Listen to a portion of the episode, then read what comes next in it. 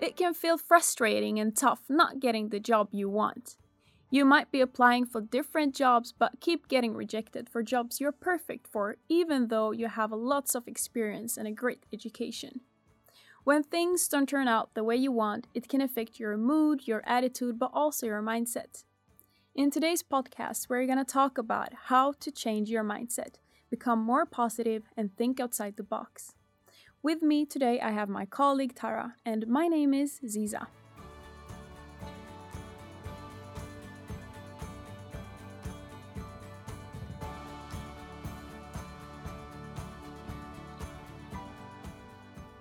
Hi, Tara. Welcome to this episode. Well, thank you, Ziza. I'm very happy to be here with you today. Thank you. Tell me more about yourself. Who are you?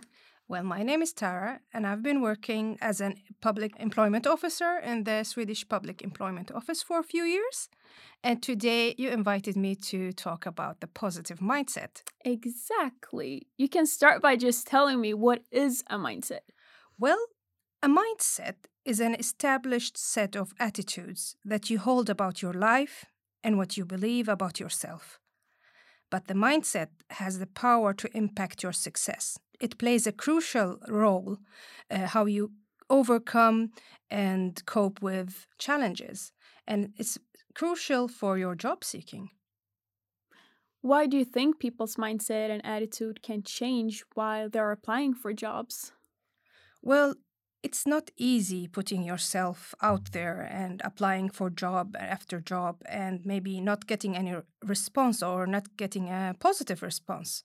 So it can i can understand if it can leave someone feeling frustrated or stuck. So mindset can play a big role when you're job seeking. But what if i feel i'm stuck? Is it ever too late to start this positive mindset journey well, I personally think there's nothing too late. It's never too late to change something in your life, um, not um, not mindset mm-hmm. thinking. Mm-hmm. But can you give us any examples on like negative mindsets and how to change it? Well, we all felt uh, that negative mindset. It could be anything from I'll never get this job I'm never good enough for this job. I lack the skills. My language is not so perfect. Um, my age is not the perfect age. I don't have the right background, and so on. These negative thoughts that affects your um, overall, you know, um, feeling. Let's say I want to start to change my mindset and attitude right away. Where do I start? What can I do right now? Well, if you're saying right here and right now, I, my advice for you is to grab a piece of paper and a pen and start listing all that negative mindset that you have. I'm not good enough. I don't have the right background. I don't have the right uh, skills. My language is not enough. Write them all down and on the other side of the paper try to have replace them with a more positive thinking. I'm good enough. I have the required skills and experience. Um, I have an international background. I have C and so. So replace all those negative words to positive words. You start from there. Because everyone actually like have good uh, like experience and they maybe have a language or um, skills in a certain like field, like everything. Absolutely, yeah. Ziza. Absolutely, everybody is good at something. They yeah. just don't realize it, maybe.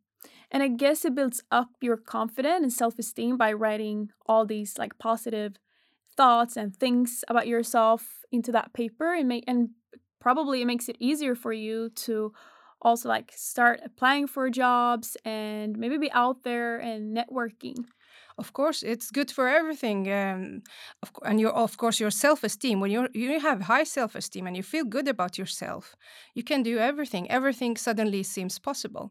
Have you ever changed your mindset while job seeking before? Well funny that you ask that. A few years ago i had uh, fallen into a negative mindset. That was maybe a few years after my graduation.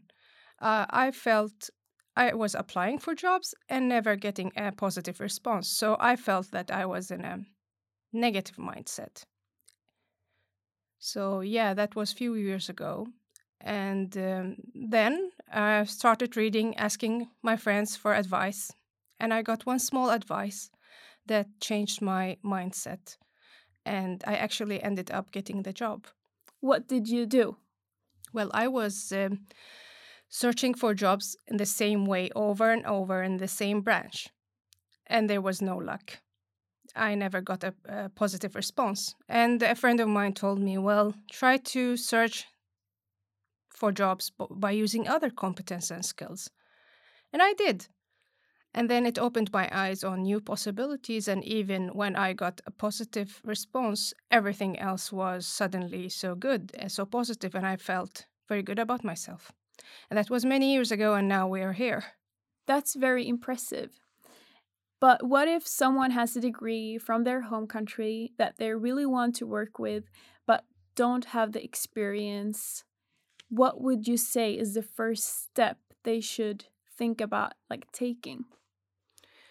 Well, um, from my experience at the public employment office, I've met so many people that uh, are in the same position you're describing. And my advice was always for them is to first of all list all the good things that they are have they brought with them that's a very important thing and then start looking applying for jobs of course but also considering internships or praktik as we call it in swedish praktik is a very good step for getting a job lifting your self-esteem um, you you go to an interview and you get accepted and you move on you start the internship you make a network uh, you get some experience in the Swedish job market and the Swedish job environment. You make colleagues, networking, use your Swedish references, and maybe, who knows, maybe they will have an opening for you. Very, very good, actually. And I thought about, when you mentioned this, I thought about um, volunteering jobs too. Well that's a very good way also almost the same thing as an internship you know you get the same benefits. And of course you feel good about yourself doing serving a cause that's close to your heart. I really liked what you mentioned before about to just start somewhere. Maybe that's not your dream job right now but you can always work your way up. And i guess that many opportunities and doors can open for you maybe you'll get a new contact, a new experience, or maybe it turns out that you really like what you're doing.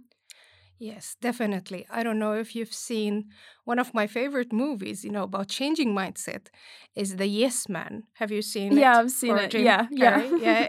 This is almost like having a positive mindset. It will open doors. Yeah, for sure. And it actually also like the volunteering part because I feel like it also like fulfills your heart, boosts your karma, and makes you feel happy.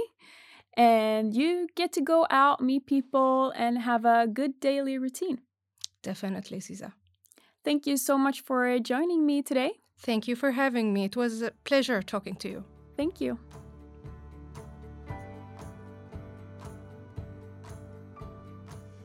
You have been listening to Ny Sverige-podden with me, Ziza Madani.